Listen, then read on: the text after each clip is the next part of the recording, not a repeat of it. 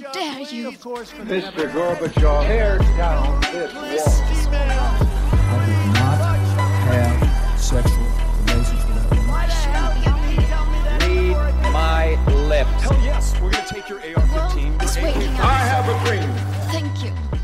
Ja, eh, velkommen til en ny podkast på Gran Bar.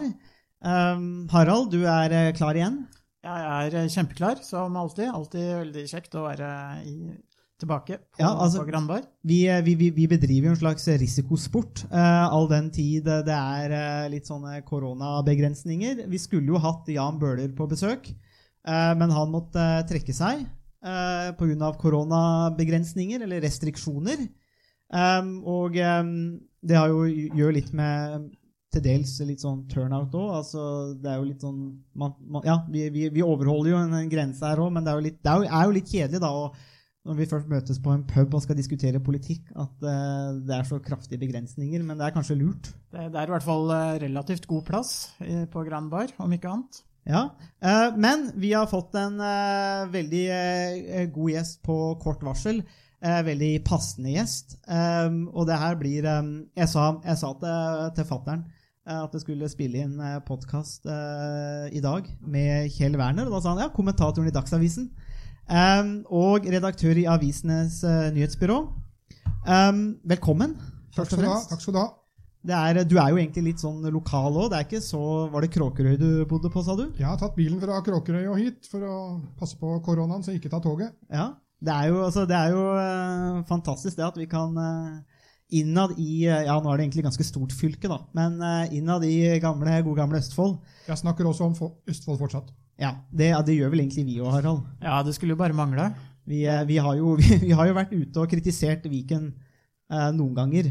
Eh, var det århundrets dårligste politiske avgjørelse vi kalte det? Vi, eh, vi kåra det til det, og Ja. det, mm, det står vel fortsatt. Ja, eh, det, det står det, fortsatt. det står fortsatt, og det kommer til å bli det store slaget i 2021. Ja, altså det, og det er, her er jo det som er hvorfor jeg tenker, eller en grunn til at det her er, er spennende, da, og at, eh, at du, eh, Kjell Werner, kommer hit i dag. Eh, vi starter valgdekningen ganske tidlig. Det er jo valg til, til neste år. Vi kommer i SOS Podkast og kjører en ganske lang serie tenker jeg, hvor vi skal gå gjennom alle partiprogrammene. Eh, det kan jo bli interessant å se litt på hvordan de står seg i det måte, mer sånn statsvitenskapelig, filosofisk sammenheng òg. Har du høye forhåpninger til de politiske partiene der, Harald? Eh, De, eh, de er nok ganske lave, eh, og det har det vært veldig lenge. Så, eh, så de vi skal, vi skal nok sørge for at vi, vi får tatt partiene litt ned. Ja. Det, Nei, det, det å lese programmene, det er, det, er, det er kjedelig. Her må man lese mye mellom linjene isteden. ja. Og Liberalistene P, det vet jeg ikke om vi Vi får, vi får se om vi finner tid til de òg.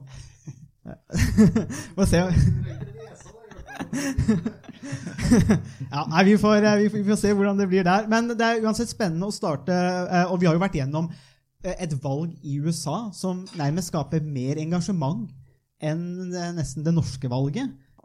Fulgte du amerikanske valget med entusiasme, eller var det litt mer på objektiv avstand? Det var nok litt mer laidback. Eh, Jeg turte å legge meg om kvelden og, og regna med at jeg kunne stå opp eh, morgenen etterpå og få med resultatet da. Men det viste seg, og det var ikke fullt så enkelt. Sånn, em, nå, nå ser det ut som at det har begynt å roe seg, og at, em, og at det har nok gått inn for Trump og hans eh, gjeng at det her er slutt, og at Biden tar over.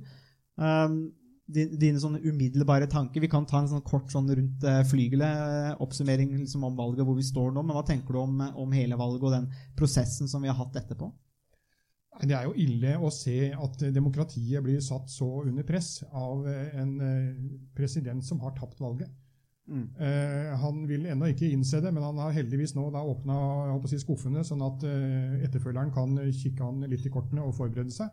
Mm. Eh, men det er ille å se, og dette tyder i hvert fall på en opptakt opp mot eh, neste valg, eh, hvor da sikkert republikanerne vil prøve å beholde de velgerne som de da fikk på den måten de, de fikk velgerne nå. Mm. Harald?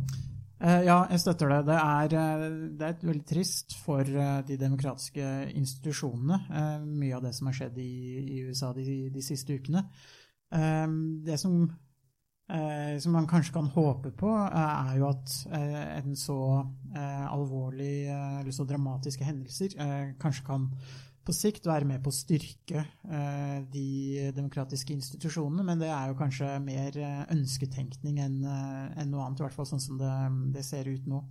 Eh, og som Kjell Werner var inne på, det, det kan bli eh, stygt de, siste, de neste valgene i eh, USA også, hvis eh, polariseringen fortsetter sånn som den, den har gjort de, siste, de siste årene. Da kan det mm, eskalere til, til å bli enda mer dramatisk enn enn det, vi så i, enn det vi så i høst.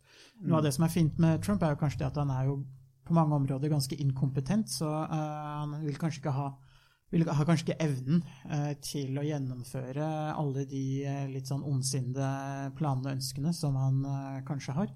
Hvis det kommer en mer kompetent eh, politiker som, eh, som er av samme kalibre, så, så vil det kanskje være enda mer alvorlig enn det vi, eh, enn det vi har sett fram til nå. Og dette med tillit har jo vi snakka mye om. Det er jo et viktig begrep i statsvitenskap og i politikken nå. Og det er jo det jeg tenker jeg er ganske alvorlig i USA, da, hvordan man ser altså lav tillit. Man stoler ikke på hverandre egentlig, og til institusjonene. Og, eh, vi har en lytter eh, i USA. Jeg snakka med, med han i dag, faktisk, på, på Messengeren. Um, også tilknytta Forsvaret. og Han sa litt sånn halvveis spøkefullt også, at det var første gang han var glad for han hadde pistol i safen. Eh, og jeg vet ikke om det, om det er, om det er Men, men eh, og det, det er klart at det, ble sagt på en litt sånn spøkefull måte, men samtidig så ligger det et alvor i det.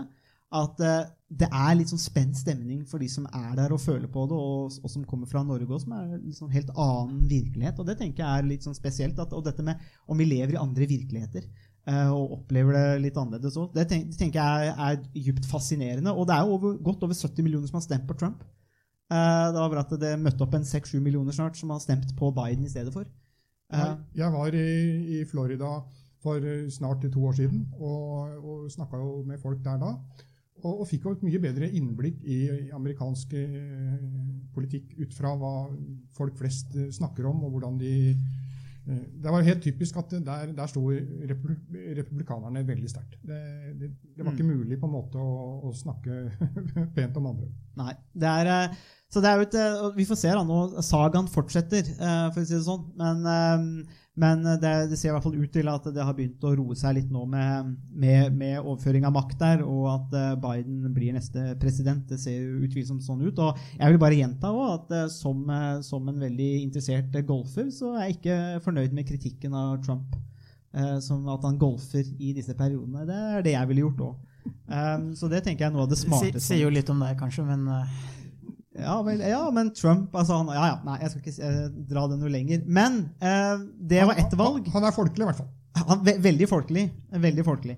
Um, og, eh, men vi har, vi, det var ett valg, og det er jo på en måte kanskje grunnen til at det er litt artig å se på, og at vi følger med, at det, ikke, det gjelder ikke oss. Det er kanskje ikke så moro for mange av de som står oppe i det USA, men for oss er det litt interessant. Uh, det er det uansett. Det er også verdens mektigste person som velges. Uh, det er ikke verdens mektigste person som skal velges til neste år i det norske stortingsvalget. Eh, Men det er fortsatt eh, ganske interessant eh, og spennende, og det har jo en del utvikling der. Og spennende ting som vi må følge med der, for det, er jo, det nærmer seg jo. Er du klar for valget, Harald? Føler du er, liksom, er du pumpa? eh, ikke enda. Nei. Det tar nok eh, noen måneder til før jeg eh, er i valgkampmodus. Ja, og det er jo Det kommer tidsnok, akkurat det. Og vi snakka litt på forhånd her om at vi, vi, vi starter som sagt valgdekningen her. Og, og du, Kjell, hadde jo sett litt på, gått litt tilbake til, altså til forrige valg. Ja. Og dette med at valgkamp eh, virker, eh, og det var jo eh, en sterk påstand. Ja, og det er ikke bare en påstand. Det er også noe som da valgforskerne Johannes Berg og, og Bernt Årdal har kommet til i den valgundersøkelsen som de da gjorde i etterkant av eh, valget i 2017.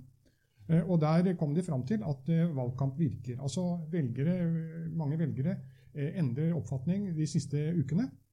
Eh, Og det er jo da et tegn på at, eh, at det nytter for partiene å stå på til the bitter end. Eh, Men så har du da paradokset at eh, også som da i, i USA, så er det stadig flere som forhåndsstemmer. Eh, Og hvis du allerede har eh, forhåndsstemt, vel, så da hjelper jo for så vidt ikke valgkampen. Så det der blir veldig sånn todelt. Noen lar seg påvirke på, på slutten, mens andre har bestemt seg eh, i god tid på, på forhånd. Eh, ja, eh, at valgkamp virker er jo e- et, egentlig et spørsmål som har vært mye eh, diskutert i, i statsvitenskap. Og um, en del av den forskningen, både i Norge og internasjonalt, har jo vist at det er kanskje litt blandede resultater om, på spørsmålet om valgkamp virker. Noen ganger så har man kommet fram til, til svar om at valgkamper virker kanskje litt mindre enn det mange eh, tror.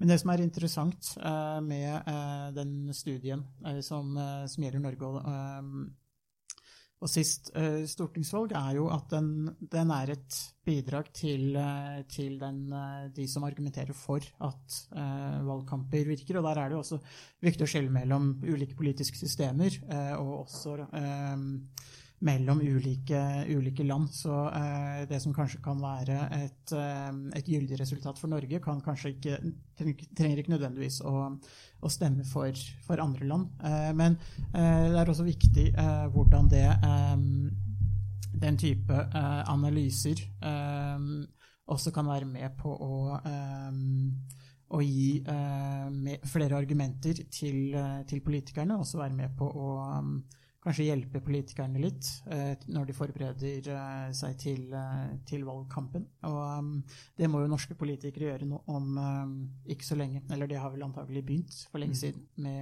med de. forberedelsene. Altså, Velgerne er blitt mer troløse.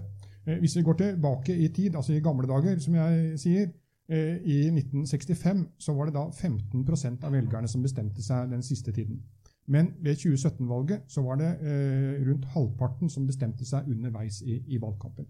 Eh, og og det, det sier en god del om både hvordan det norske samfunnet har forandra seg, eh, og at det lenger ikke er, er, er selvsagt at eh, eh, den som vokste opp med folk som har jobba i industrien eh, eller hatt andre typiske eh, arbeiderjobber, for å si det sånn, stemte Arbeiderpartiet, mm. og mens funksjonærer og, og andre stemte Høyre.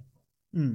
Det som også er interessant, er jo at uh, de endringene uh, som du beskrev nå, nettopp, er jo også et utslag for uh, endrede konfliktlinjer i, i samfunnet, som også er med på å, å gjøre at, at velgerne blir mer, mer troløse. Det andre stridsspørsmål som er aktuelle enn det som kanskje var i, på 60-tallet eh, og, og tidligere. Er det, er det bra at velgerne er eh, mindre altså, troløse? At de, de, de flytter gjennom eh, Eller at de bytter partier? At man ikke måtte nødvendigvis stemmer slik som eh, foreldre har gjort? At, hva tenker du der, Kjell? Er det, er det bra for det politiske systemet? Ja, det er jo bra at politikerne må skjerpe seg og da vise at de er tilliten verdig, enten til et gjenvalg eller til at det kommer, kommer, kommer nye. Eh, Og De nye konfliktlinjene som vi nå da har sett spesielt ved, ved siste, siste valg, er jo at du får en større polarisering mellom by og land. Eh, vi ser at eh, Senterpartiet gjør det knallhardt, knallsterkt. Mm. Eh, de puster Arbeiderpartiet i nakken på de siste meningsmålingene.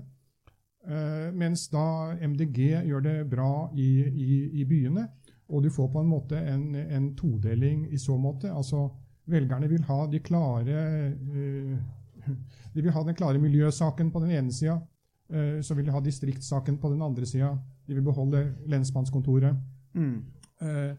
så har du da de store partiene, Arbeiderpartiet og, og, og Høyre, som må tilfredsstille en bredere velgergruppe. Eh, og spesielt Arbeiderpartiet står jo da i en spagat mellom eh, eh, aktive miljøfolk på ene sida og de som da vil beholde industrien, mm. og endog også oljeindustrien. Eh, og, og da blir det vanskelig å være eh, politiker når du skal selge et, eh, et kompromiss som er litt utvanna, eh, framfor de som kan være rene og, og ranke. Mm. Jeg tenker på, vi har, Det har vi snakka litt om, Harald, også, at eh, liksom, hvor vanskelig det er på en måte kanskje å, å få signalisert de gode sakene. når vi tenker, Du, du nevner jo dette med Arbeiderpartiet òg. Altså, eh, det gamle på en måte, styringspartiet som står i en slags spagat. Eh, og jeg, jeg har jo personlig følt at jeg, jeg, jeg sliter kanskje litt med å, å, å identifisere hva de egentlig har stått for den, den siste tida. Er- hvor, hvor er på en måte dette partiet? Og tenker du på en måte at den Eh, det er ikke så lenge siden Jagland ikke var fornøyd med 36, eh, 37 prosent. Um, men, men dit kommer vel kanskje snart aldri igjen? Det virker ikke sånn. Det er blitt et mer fragmentert bilde. og Det er jo derfor også da Arbeiderpartiet da si, ga opp tanken om å styre alene. Eh, Og du da fikk den første eh, eh, koalisjonsregjeringen med, med Jens Stoltenberg som statsminister i, i, i 2005. Mm. Uh, og det er jo på en måte det som da er, er noe av, av bakteppet her. Mm. Så det er jo kanskje uh, mulig å, å tenke seg at en del av de, de endringene vi ser i partilandskapet, er uttrykk for konfliktlinjer som, som endrer seg, og som kanskje endrer seg på mer varig basis også. Eh, som kan være med på å gjøre at de endringene vi ser nå, eh, med et, eh, et mye mindre Arbeiderparti enn det man tradisjonelt har, har sett, kanskje er en trend som vil, som vil vare en stund. Og det samme med et MDG som kanskje vil kunne bryte, bryte litt mer gjennom også.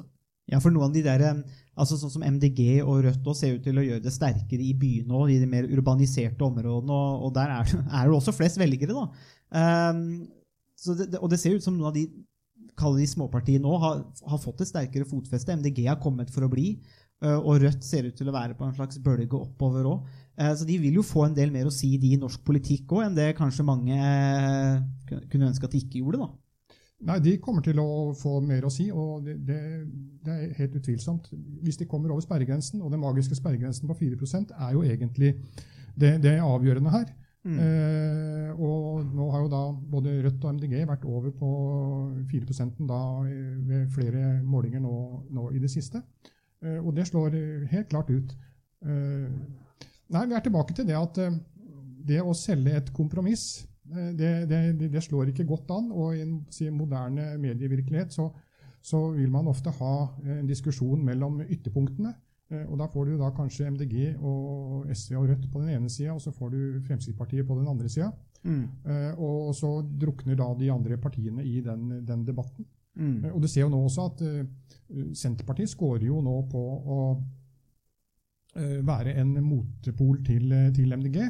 eh, Og tør å ta den fighten på en måte, mens eh, Arbeiderpartiet tør ikke å ta den fighten på samme måte.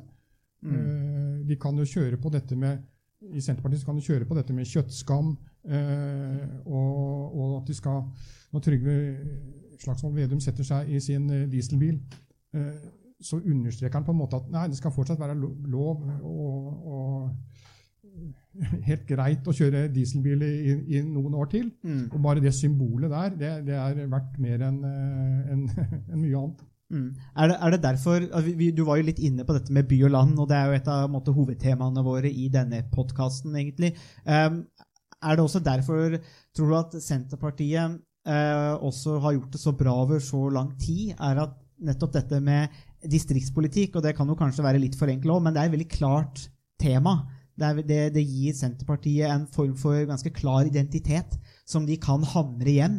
Mens f.eks. Arbeiderpartiet skal prøve å hamre hjem ja, men vi gjør gode kompromisser eh, sammen med regjeringa. Eh, mens Senterpartiet kan stå med og, og, og, og måtte hamre hjem et budskap da, om, om distriktene. Er det, er, tror, tror, er det noe av appellen, tror du? Ja, det er noe av appellen. Og det interessante er at Senterpartiet har nå fått en bredere politikk. Eh, De, de, de favner eh, alt fra taxisjåføren til, til den som er eh, forbanna på at, eh, at eh, lensmannskontoret er borte. Eh, Politistasjonen Du ser ikke politipatruljen eh, ofte nok, osv. Og det vi skal huske på i, i historien her, er at Senterpartiet har gjort to gode valg i moderne historie. Og det var i forbindelse med EU-valget da i altså folkeavstemninga i, i 1970, nei, 1972. eh, Og i 1994. Mm. Begge gangene så scora Senterpartiet på EU-saken, EF-saken. Men når den var over i debatten, så sank eh, Senterpartiet ned til det samme, gamle grunnfjellet og måtte klare seg med si, stemmene fra bøndene og noen til. Mm. Men denne gangen har da Trygve Slagsvold Vedum klart å definere et mye bredere Mm. eh, politisk eh, utgangspunkt. Og det kommer til å være mye mer solid. Det blir my lips. Mm. Ja, du, det er jo din eh, gode venn, Harald. Ja, det er min gamle bestevenn fra videregående, hadde jeg nær sagt. Vi gikk jo på Tom eh, sammen eh, for eh, lenge, lenge siden. Men jeg, jeg, tror nok, eh, jeg tror nok det er eh, et viktig poeng. Eh, Senterpartiet har i dag en he helt andre koalisjoner og et helt annet grunnlag enn det de har hatt tidligere. Og det er jo ikke lenge siden de var nede på på 4-5-6-7 prosent, eh, og nå er de jo nesten tre ganger så store som, eh, som det de var, eh, var, og brukte å ligge på på store deler av slutten av 90-tallet og, mm, og fram til eh, eh, 2010 og, og lenge etter det. Mm. Så det som er interessant, er jo hvordan Senterpartiet vil klare å opprettholde den koalisjonen fremover også. Eh, Fordi eh, de kjemper jo egentlig i en vektklasse som er mye større enn det de tradisjonelt har, eh, har vært i. Eh, Så, så det vil bli veldig krevende for Senterpartiet også dersom de kommer i, eh, i regjering igjen eh, fra, fra neste år. Mm. Eh, Og de vil jo da måtte svare på hva de er for, i større grad. Nå kan de si at de er mot den reformen til regjeringa, at de er mot det da Erna Solberg og co. har holdt på med i, i, i, i sju år. Mm. Eh, Nå må de plutselig si hva de er for, eh, og, og det kan bli en krevende øvelse. Og det er litt interessant at eh, altså, Senterpartiet er jo mot EØS-avtalen, og i hvert fall mot EU-medlemskap, men de er jo mot EØS-avtalen og vil eh, erstatte den med et, eh, en handelsavtale. Eh, Men velgerne, nå er det blitt så mange velgere eh, som flokker seg om Senterpartiet, at eh, størsteparten av de velgerne de er for EØS-avtalen. Så Mm. her kan på en måte ikke Senterpartiet bruke storslegga på den saken uten å få sine egne velgere i Ja. Mm. Jo, men jeg, så- jeg, så, jeg, så, den, jeg så de, de tallene som var veldig inter, interessant, som viste på en måte hvor stor andel av Senterpartiets velgere, eller i hvert fall folk som sier de vil stemme Senterpartiet, som er for EØS-avtalen, eh, og som eh, kan bringe dem i konflikt der. da. Og det, det er, jo, eh, er, jo, er jo egentlig veldig fascinerende. Um, og så er det dette med, Jeg har lyst til å plukke opp til det du sier, som du også nevner nå. Hva er de egentlig for? Uh, og Vi har jo tatt opp det her i podkasten når vi har snakka om Viken nå. fordi vi, Vi nevnte jo at Viken må jo stå som en av de dårligste politiske avgjørelsene i norsk historie. Men det kunne også vært interessant, sånn som Senterpartiet, og jeg har hatt noen diskusjoner eller samtaler, vi har diskutert dette i valgkamp, og sånne ting, så sier at nei, vi skal reversere Viken. Men er egentlig det en løsning òg? Altså, for vi har jo sagt at man, i de, disse områdene hvor vi bor, da, eh, og i Østfold og inn mot Oslo, så trenger man jo visse former for altså det, må, det er behov for noen reformer med tanke på befolkningsvekst, arbeidsmarked, infrastruktur. Eh, Så er det å bare reversere noe som har kosta mange millioner kroner, og gå tilbake til det gamle, er det egentlig konstruktivt? Er det egentlig å være for noe? Og jeg har vel tenkt at det kanskje ikke er det. Så jeg, jeg kunne kanskje tenkt å sett litt andre løsninger fra Senterpartiet på de tingene der. Og jeg, jeg vil kanskje tenke meg til det du sier. Kanskje de får flere sånne type utfordringer da, hvis de havner i makt. Det, det vil de. Og det som er litt interessant, er at uh, nå er Senterpartiet fullmobilisert. Flere andre partier har mange velgere på gjerdet. I det øyeblikket de velgerne blir tatt ned fra gjerdet, så vil Senterpartiet gå ned i prosent, selv om de ikke mister en eneste velger. Mm. Uh, og det er på en måte Vedums uh, problem nå, at når han kommer inn i det nye året, uh, og noen av de andre partiene da begynner å ta ned fra, fra usikre velgere som sitter på gjerdet, så går prosenten til Senterpartiet automatisk ned. Ren matematikk. Eh, Og I tillegg så eh, appellerer eh, Senterpartiet i veldig stor grad til folk på en måte, opplevelse av trygghet, eller det at de skal, ting skal være, eh, situasjonen skal være sånn som den, eh, den har vært, og sånn som den er. Eh, og når de kommer i, eh, i regjering, så, så vil, vil de ikke kunne appellere til den trygghetsfølelsen, eller det at situasjonen skal, skal bestå eller ikke endre seg.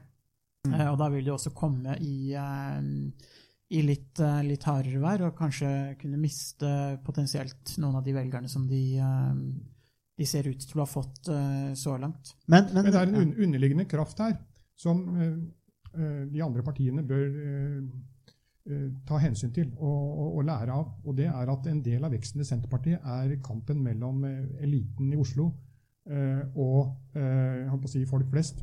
De, de, de føler avmakt. eh, litt på samme måte som det som skjedde, eller har skjedd i USA. Mm. Eh, litt på samme måte som da Fremskrittspartiet hadde stor eh, vekst eh, under Carl I. Hagen.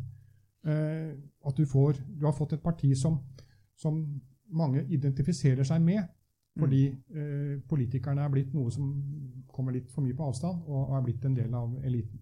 Mm, Ja, det tenker jeg er et, er- et godt poeng, og det er også noe de prøver å spille på Altså, og Jan Bøhler, innmelding i partiet, må jo også ses i den, i den eh, Har du noen, noen tanker om eh, Vi skal jo få Jan Bøhler som gjest her eh, en eller annen gang når restriksjonene har gitt seg i Oslo, men hva tenker du om den overgangen der? Altså, Det var jo et skup for Senterpartiet å få Jan Bøhler med på laget. Bare den effekten av at han går over, symbolet om at Senterpartiet også er for, for byene. Senterpartiet har ikke hatt uh, Oslo-representant siden valget i 93, da Arne Haugestad, han med, han med stråhatten, kom inn på, på tinget. Mm. Uh, og nå ser det ut som de kanskje kan få to inn fra Oslo. Uh, og det er jo en genistrek. Mm. Men her får jo da Senterpartiet et problem. De har jo nettopp lagt fram et forslag til partiprogram hvor de skal har lansert noe som heter bygdevekstavtaler. Eh, hvor da bygdene skal få penger for å reise seg på, på en eller annen måte. Men en del av de pengene de skal tas fra byvekstavtalene. Så Det betyr jo da at, eh, at eh, Jan Bøhler må akseptere at, at det tas penger fra Groruddalen, bokstavelig talt. Mm. Det jo det, er, altså det skal bli fascinerende når vi får den samtalen med Jan Bøhler her òg. Det er noe vi må, vi, må ta opp da, for det er jo en interessant spagat der. Og jeg tenker jo også eh, Og jeg er jo, altså jeg er jo fra Nordre Viken, da, som det nå har blitt, eh, og fra de indre dalstrøka, og eh, kan jo forstå veldig godt òg eh, hvorfor Senterpartiet har en appell i distriktene. For det er ingen tvil om at eh, man blir mer og mer neglisjert. Altså, hvor jeg kommer fra, er to timer fra Oslo. Men det fremstår jo mer bare som en slags hyttekommune eh, for byfolket, som vi kaller de.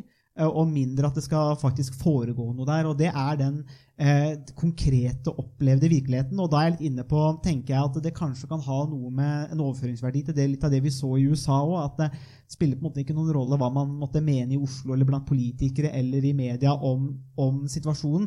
Virkeligheten oppleves på en måte som man blir glemt eller man blir forlatt. Og da vil de velgerne gå til det partiet som artikulerer og, og møter det behovet. Og der tenker jeg at Senterpartiet har truffet noe, og også et sted hvor Arbeiderpartiet har forlatt en del av sine tradisjonelle velgere.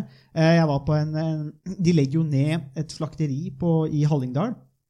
Nortura. Det er jo bøndenes egne, som sentraliserer, ironisk nok. Det er altså sine egne man skal ha det. Ja, nettopp. Eh, men det var, da kom det en Arbeiderpartipolitiker, og det var første gang jeg har hørt en Arbeiderparti på mange år snakke om småbrukerne, om fiskerne, og den tradisjonelle arbeiderpartibevegelsen, hvis vi kan kalle det det. Og det var nesten litt sjokkerende eh, at jeg måtte registrere at det var første gang jeg hørte noen som snakka genuint om de tingene. Og jeg tenker Senterpartiet treffer akkurat de velgerne der. Um, Der, har- der har Arbeiderpartiet da begynt hvert fall en prosess. De har laga 60 punk- punkter på en eh, distriktspolitikk som de la fram her om dagen. Mm. Eh, og du har da Bjørnar Skjæran fra, fra Nordland som sitter på, på lastebilen sin eller traktoren. eh, som et litt symbol på at de også prøver å, å kapre velgere den veien. Mm. Ja, det er veldig interessant uh, hvordan det går. Men jeg, jeg bare tenker på, uh, ettersom du bra, brakte opp uh, jeg, jeg har lyst til å spørre deg litt om disse meningsmålingene òg. for du, du, du, nevner jo, du nevnte jo, og det tenkte jeg det er så interessant poeng at det må vi snakke litt om.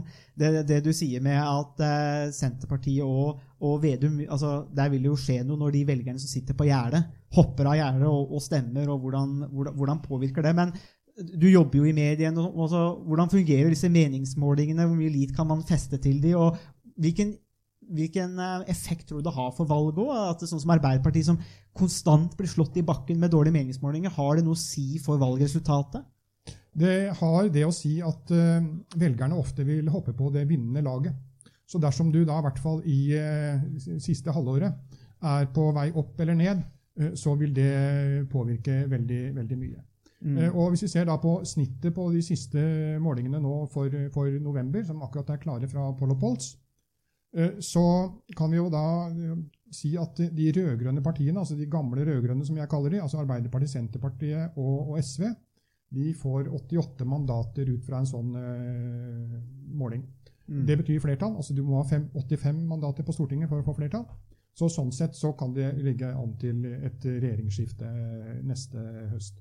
Eh, Men det er jo da i hovedsak kampen om uh, utjamningsmandatene som her vil bikke den ene eller andre veien. Erna Solberg har ikke en snøballsjanse eh, dersom ikke både Senterpartiet og Nei, både KrF og, og Venstre havner over sperregrensen. Mm. Eh, Da er det ikke mulig å få den brøkken til å gå opp. Og i tillegg så må eh, Fremskrittspartiet gjøre et bedre valg enn det ser ut som nå. Så paradoksalt nok så kan Erna vinne i gåseøynene, eller ja, vinne også valget, på at eh, Frp forlot skuta, regjeringsskuta. Fordi nå kan de være litt mer rene og ranke og tøffe i trynet. Nå spørs det hva som skjer, da, for nå er det helt på Siv Jensen forlot møtet i går, og, og det er nye forhandlinger i, i, i, i kveld. Jeg tør ikke tippe på hvordan det går, annet enn at de er jo i utgangspunktet dømt til å bli enige. Eh, Men det kommer til å bli mye bråk, og det kan hende at Erna må stille kabinettspørsmål. Eh, Det vil jo ødelegge for det borgerlige samarbeidet i mange år framover hvis det skulle ende sånn at liksom Frp må tvinges på, på plass. Mm. Eh, Men det er eh, i hvert fall det, det, det skisma der, da. Det, det ser realistisk ut, eh, tenker du? Altså At det blir bråk, og at det kan ende med en sånn type krangling og kabinettspørsmål? sånn. Det kan ende sånn. Det kan ende sånn, Og at de da ikke blir enige før altså Ikke engang nå til helga, men at de må ta dette i, i stortingssalen og tvinges tilbake til å stemme på noe som er bedre enn det som var utgangspunktet. Men det vil som jeg sier, da ødelegge det borgerlige samarbeidet, så Erna vil måtte strekke seg veldig langt. Problemet er at uh, Frp går til kjernen på uh, gode saker for, for både Kristelig Folkeparti og, og, og Venstre. Uh, Når de da skal kutte i antall kvoteflyktninger, når de skal ha billigere lokke, eh, altså fjerne avgiftene på lokkevarer til, til, i forbindelse- med grensehandelen, eh, så er dette, går dette rett inn i, i margen. Det er jo litt paradoksalt nok, ut fra de lekkasjene som har vært, så skal da tydeligvis eh, regjeringspartiene ha gitt seg på snus, men eh, alkoholen har de da turt, ikke turt å røre ennå. Ja, Det er jo kanskje et eksempel på at man kan oppnå kortsiktig vinning, men man eh, ødelegger for seg selv og andre eh, på lengre sikt. Og hvis eh, Frp er med på å undergrave eh, mulighetene for et, eh, eh, et bredt borgerlig samarbeid eh, etter neste valg og på lengre sikt, så, så vil de også kunne marginalisere seg selv. Og det blir vanskelig for Frp også å kunne eh, presentere og løfte fram mange av de eh, sakene som de, eh, eh, som de tradisjonelt eh, brenner for også. Mm. Og så har jo koronasituasjonen gjort dette ekstra, ekstra spesielt. eh, Ved at eh, Høyre tjener jo nå på at de har eh, en- statsminister som står fram som eh, statskvinne. eh, At eh, Bent Høie gjør en god jobb som helseminister, og at vi stoler på, på de to og, og helsefolka som står bak. Mm. Dette har jo gitt Høyre ekstra drahjelp. Spørsmålet er hvor lenge det vil vare innover i neste år, når vi fortsatt sliter med etterdønningene. Ja, Tror du det får en effekt, eller tror du at effekten blir at folk er lei? Og at de kommer til å straffe regjeringa rett og slett fordi folk bare er lei? Nei, Erna har- fått en effekt som vil sitte der dersom det ikke blir store problemer på arbeidsmarkedet, og at økonomien i Norge eh, skulle gå av hengslene. Men vi har jo så mye penger på oljefondet at nå bruker vi jo penger som fulle sjøfolk. Mm. Eh, Så det er jo det som redder eh, dagens regjering sånn sett. fordi hadde dette vært et annet land, så hadde du hatt problemer med å bruke så mye penger uten at du etterpå må betale tilbake. altså. Ja, Det ser man jo i enkelte andre land også, eh, hvor noen av de problemstillingene allerede har, eh, har kommet. I Storbritannia så har det jo vært diskutert mulige skatteøkninger mm. for å betale for eh, de eh, økonomiske redningspakkene som har blitt eh, lansert eh, så langt. Mm. Eh, Så Norge er jo en litt, eh, en, eh, en litt, en litt annen situasjon eh, enn mange andre land, og vi er kanskje et, som eh, Senterpartiet ofte liker å påpeke, et slags annerledes, annerledes land. Mm. Eh, På, på godt på mange måter når det gjelder eh, den økonomiske handlefriheten, men forsvinner, forsvinner det arbeidsplasser og konkurs, antall konkurs, konkurser øker, så, så vil mange kanskje også se det litt annerledes enn sånn man gjør det i dag. Jeg så jo ideen i dag og antallet arbeidsledige og hvordan de tallene ser ut. og Det er klart at her kommer det jo en smell. Eh, og Det er sånne indikasjoner på at de mente at eh, økonomien kanskje kunne begynne å normaliseres ut i 2022. Eh, og det er klart at det er, en, det, det, det er langt fram når man snakker om så konkrete effekter som koronapandemien har fått, da, også for økonomien. Så det, blir, spennende å se måte, hvordan, der, hvordan det slår inn da, på, på, på, på det norske politiske landskapet. eh, Og hvordan eh, samarbeidet fortsetter der. Og det- mer? Ja. Og dette gjelder jo ikke bare økonomien i Norge, det gjelder også verdensøkonomien. Eh, siden verdensøkonomien da sliter, så, så betyr jo det at det blir mindre etterspørsel etter, etter varer og tjenester. Mm. Eh, den delen av eh, norsk eh, bilindustri som da jobber inn mot det europeiske markedet f.eks., de sliter jo veldig. De er jo avhengig rett og slett av at, eh, at eh, det, det selges biler, og at det produseres biler i Tyskland og wherever. Mm. Jeg tenker eh, bare sånn før vi går videre Hvis det er noen som har noen spørsmål, så er det bare å, å på en måte rope ut, og så kan vi gjenta de eventuelt. Så det er bare åpent for å stille spørsmål her òg. Vi, vi tar gjerne imot det når vi diskuterer, eh, når vi diskuterer den eh, politikken. Noen andre kommentarer, Harald, til det vi har snakka om? Valg? Eh, ja, nei, jeg tror det, er, jeg tror det er veldig viktig det poenget om eh, eh, altså hvor avhengig den norske økonomien er eh, av eh, etterspørsel eh, internasjonalt også, for at eh, man skal komme seg gjennom Ja. Mm. Helt klart. Vi fikk et eh, spørsmål her, faktisk. Spørsmålet er altså om grensehandel, økte levekostnader, og særlig for grenseområdene, da, sånn som vi i Halden, som er vant til å handle og reise til eh, på Nordbysenteret eh, og handle. Jeg, jeg har ikke vært der siden 12. mars, husker fortsatt, uh, husker fortsatt datoen. Um, det, var første, siste, det var siste turen, og um, man trodde det skulle ta et par uker, og så kunne man reise over igjen. Og, og, her, og her sitter vi. Eh, men et spørsmål er på en måte hvordan dette, denne situasjonen kan påvirke kanskje også da valget. Da, det, denne, at det er lukka grenser og sånne ting, og om de borgerlige vil tjene på det. da. Jeg tror at eh, hvis eh, Fremskrittspartiet her får til en, eh, et brukbart gjennomslag, så vil de kunne score på det i kommuner spesielt sånn som Halden og, og, og langs grensa. Men egentlig helt inn til Oslo også. Det er jo mange fra, fra Oslo som også kjører til, til Svinesund eller til Årgjeng eller til Øksfors. Og dette, dette griper nok ganske dypt blant si, folk flest. Eh, Men, eh, og jeg tror ikke at Kristelig Folkeparti kom til å tape så mye om de da skulle gå med på eh, å endre på, på alkoholavgiftene. Og Det som har vært litt underkommunisert her, er jo at her har jo også da Frp drahjelp fra NHO, Virke og uh, næringsorganisasjonene. Uh, og deler av, deler av LO også har jo ropt om at her må det gjøres noe for å uh, rette på, på grensehandelen. Vi har jo sett den konkrete effekten. Eh, tidligere så var dette et mer sånn teoretisk eh, regnestykke på eh, hva, hva, hvor mye penger forsvinner til, til Sverige osv. Men nå har vi jo sett det, det at nå handler Ola og Kari i, i Norge. Eh, og det drikkes ikke mer, men det handles mer på det norske polet istedenfor å handle på Systembolaget. Mm. Vi, vi fikk et oppfølgingsspørsmål her. Eh, Igjen grensehandel som en sterk politisk sak. Og et veldig godt poeng om at grensehandel er jo, det, handler jo egentlig mer om, om grensehandel, og det er jo vår, ja, vår kollega Theo som kom med det og utvida det til, eh, til grenseturismen. Og, og bare for å understøtte den ganske kort òg, så er det jo sånn at eh, Jeg nevnte jo i stad at jeg spiller fryktelig mye golf, og det spiller jeg jo primært i Sverige. Og, og noen av de golfklubbene er basert svært mye på norske medlemmer fra Østlandet, fordi banen i Sverige er oppe mye lengre.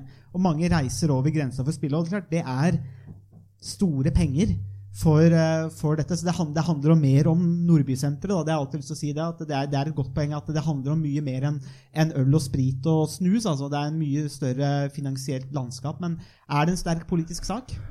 Uh, ja, vær så god. Først. Kom, kom igjen. Ok. ehm, det, det som er litt interessant med, med Østfold eh, og, ehm, og Sverige, er jo at integrasjonen er jo ganske, er jo ganske tett. Eh, så en del, av, eh, en del av den integrasjonen som eh, man har sett de siste fem og ti, 15, egentlig de, de siste 20 årene, den kommer til å bli opprettholdt, og det er jo delvis Altså arbeidsmarked, boligmarked er, flyter jo litt over i hverandre. Eh, så en del av eh, de, eh, de sidene kommer nok til å, til å fortsette.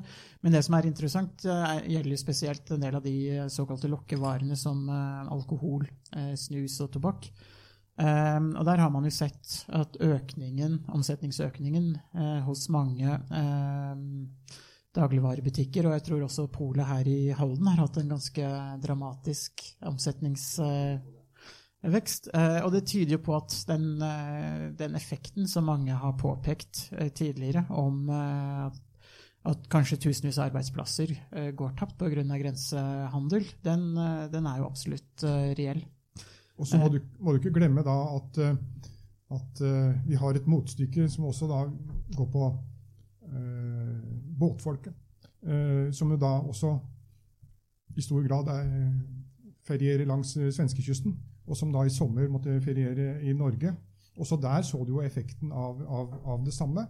Mm. Eh, Men når det kommer til det bottom line her, så Finansdepartementet de kommer til å holde igjen så krampa tar dem. De av, lavere avgifter, det er eh, fy-ord i, i Finansdepartementet. Ja, og nå, nå, nå nikker Per bak baren idet du gikk løs på finans. eh, Da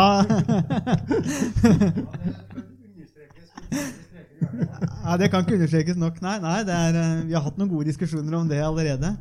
Ja, Avgifter er jo en god inntektskilde. det er jo det.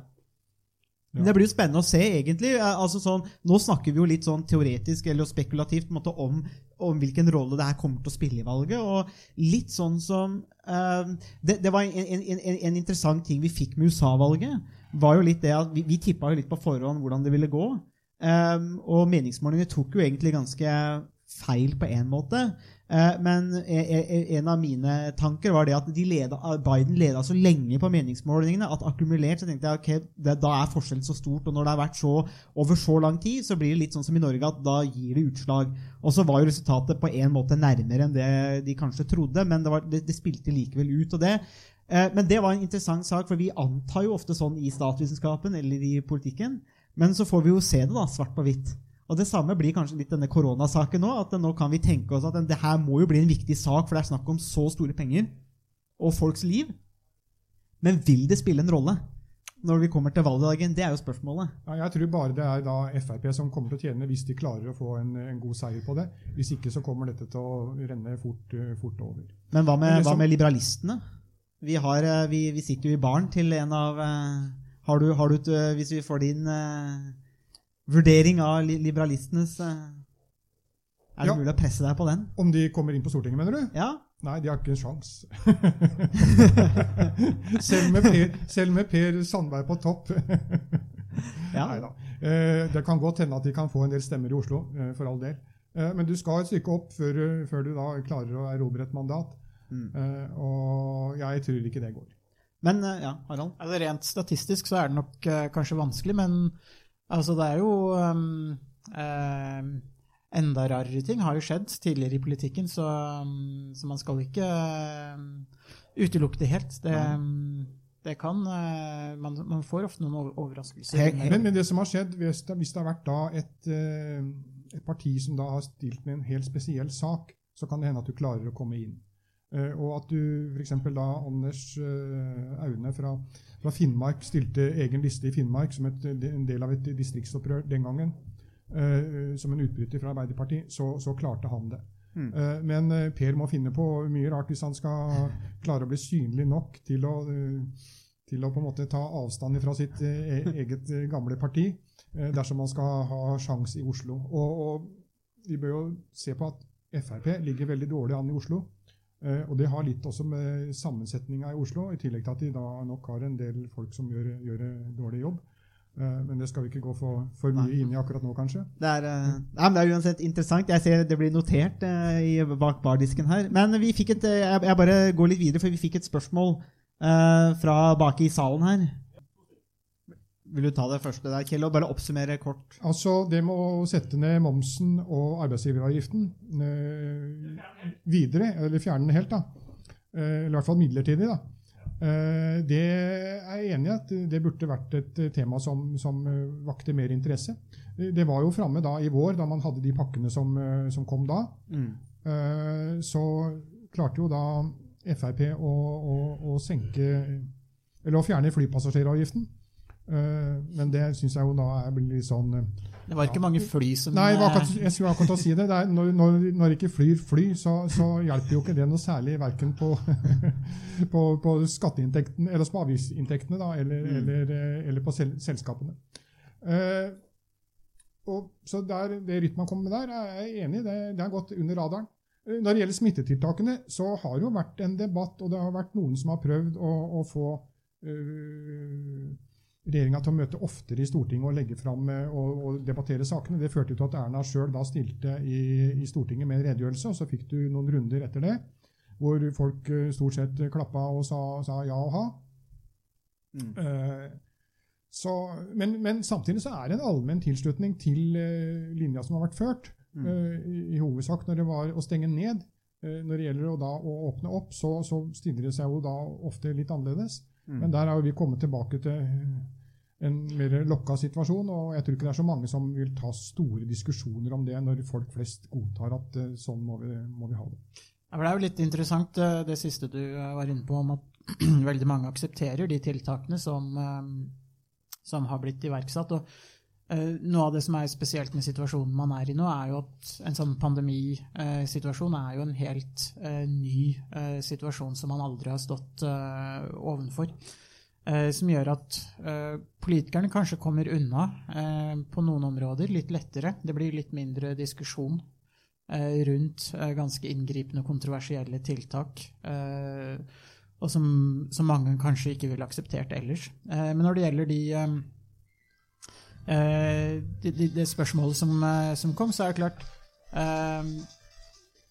eh, Sånn som eh, arbeidsgiveravgift eh, og en eh, reduksjon av, eh, av momsen er jo noe som, kunne, som kan være med på å, mm, å lette likviditeten i en del eh, bedrifter, og kanskje gjøre at de, de kunne komme seg over, over kneika. Så, så det er klart det er jo noen typer tiltak som, som kanskje kunne, kunne hatt, hatt en effekt. Men hvorfor ser vi ikke noe? Nei, eh, jeg syns det er rart på en måte at det ikke har vært mer debatt eh, rundt den type eh, problemstillinger. Og man ser i, i, i andre land så har man uh, gjort den type grep. Um, Noe av det som er utfordringen, er jo at det vil kunne føre til uh, lavere inntekter for, uh, for staten. Um, og det, det vil jo være en, en negativ eh, konsekvens for, eh, for staten, men samtidig, hvis en del bedrifter og arbeidsplasser blir borte på lengre sikt, så vil jo det også kunne gi reduserte eh, skatteinntekter, og at man mm. må øke offentlige utgifter gjennom eh, arbeidsledighetstrygd og, og andre ytelser. Så, Vi har jo, men vi har jo en, eh, en bedriftseier eh, bak eh, bardisken som har lyst til å stille et spørsmål.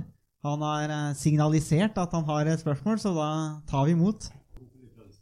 Det er jo eh, det, Jeg ser jo at eh, eh, spørsmål, eller tiraden kanskje, til Per Sandberg eh, mot Finansdepartementet ikke ble fanget opp av mikrofonen, men det, går da på, eh, på Finansdepartementets rolle eh, og Finansdepartementets manglende interesse for synergier.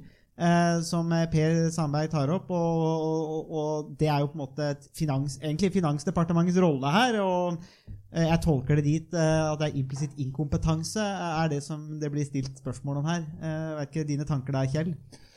Ja. eh, Jeg eh, er jo litt enig med Per om at her må man da trykke på overfor Finansdepartementet, men jeg er uenig i at man på en måte da skal plassere økonomene på et eh, mørkeloft. Eh, Dette handler jo egentlig om politikk. og Dersom eh, statsminister og finansminister og resten av regjeringa er enige om at eh, sånn eller sånn skal det gjøres, så klarer man det. Og det har man vist. Man har noen ganger satt eh, embetsverket på plass. Eh, og min kjepphest er jo at eh, hvis du øker eh, utgiftene på ett sted, så må du, må du da ta de fra et annet sted. Det, det fins ingen gratis lunsj. Selv om vi har et oljefond på 10 000 milliarder kroner, så tar du for mye penger fra oljefondet, så tar du fra kommende generasjoner. Heller ikke det er gratis. Harald? Eh, det- er litt interessant, egentlig, for um, um, på 1800-tallet så kalte man jo den norske staten for embetsmannsstaten, Uh, som var et uttrykk eh, for at embetsstanden eh, var um, kanskje mektig, en av de mektigste eh, politiske faktorene i det norske politiske systemet. Og, og når man hører en del av beskrivelsene av Finansdepartementet i dag, så får man jo litt inntrykk av at vi lever fortsatt i en slags eh, embetsmannsstat, hvor det er embetsverket som, eh, eh, som styrer og kontrollerer eh, økonomien. Og det er jo kanskje et spørsmål om, om man kanskje har hatt uh, sterke nok politikere, eh, et sterkt nok politisk flertall de siste uh, tiårene i hvert fall, til å, å kunne hamle opp med uh, embetsverket i, uh, i Finansdepartementet. Jeg kan, ja. Jeg kan jo si ja. Eh, det, er jo fullt mulig, eh, som Kjell Werner var inne på, og... eh, å gjøre store endringer eh, hvis, man, eh, hvis man ønsker det. Er det politisk eh, flertall og vilje, så, så kan man egentlig kjøre i vei og gjøre som man vil. Men så skal jeg da si hvor, hvor rått parti dette da ofte er, for de som da er statsråder. Når de skal ha budsjettkonferanser, disse store som de da har i hvert fall to ganger i året, så møter statsråden alene. Helt alene. Fagstatsråden møter alene. Statsministeren har å si, kommandoen, og så har finansministeren et batteri med økonomer som sitter eh, i rekka bak. Mm. Eh, så mens da den enkelte statsråd ikke har en rådgiver engang ved sin side, eh, så, så det, det blir rått parti, og du skal være innmari godt forberedt Mm. eh, på da også si at du, vel, jeg vil ha mer penger. Eh, og så får du motspørsmål. Ja, hvor skal du ta de penga fra? Ja, da må jeg finne et, et annet sted. Mm.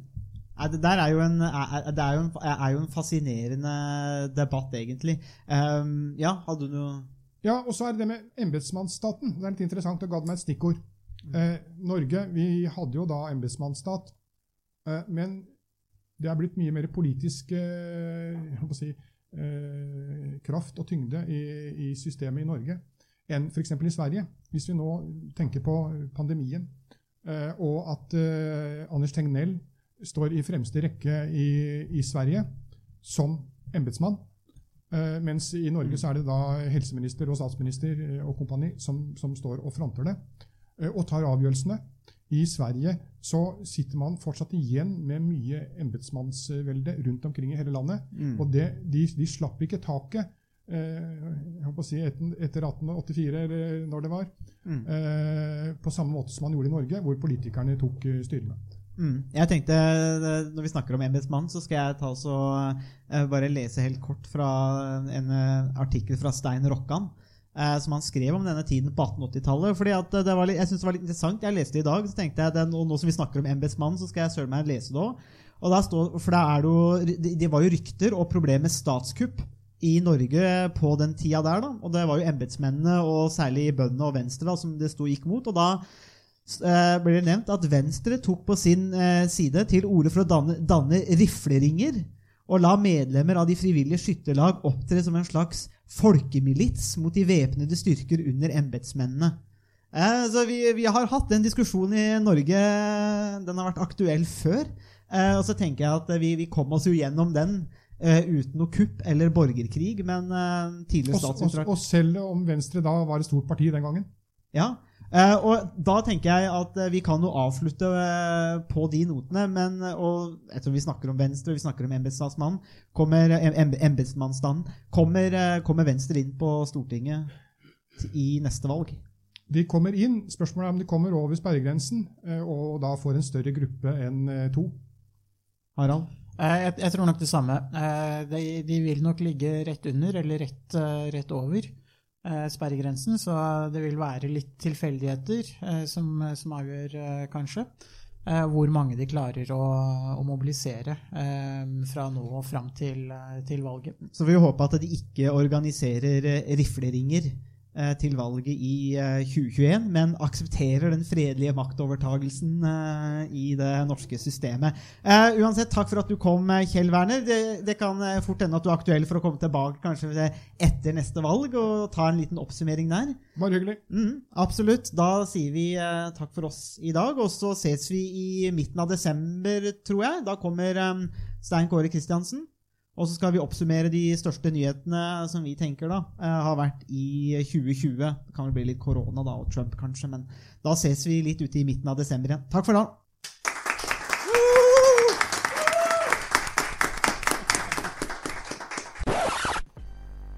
Det var det vi hadde å by på i denne ukas episode av Statsvitenskap og sånt.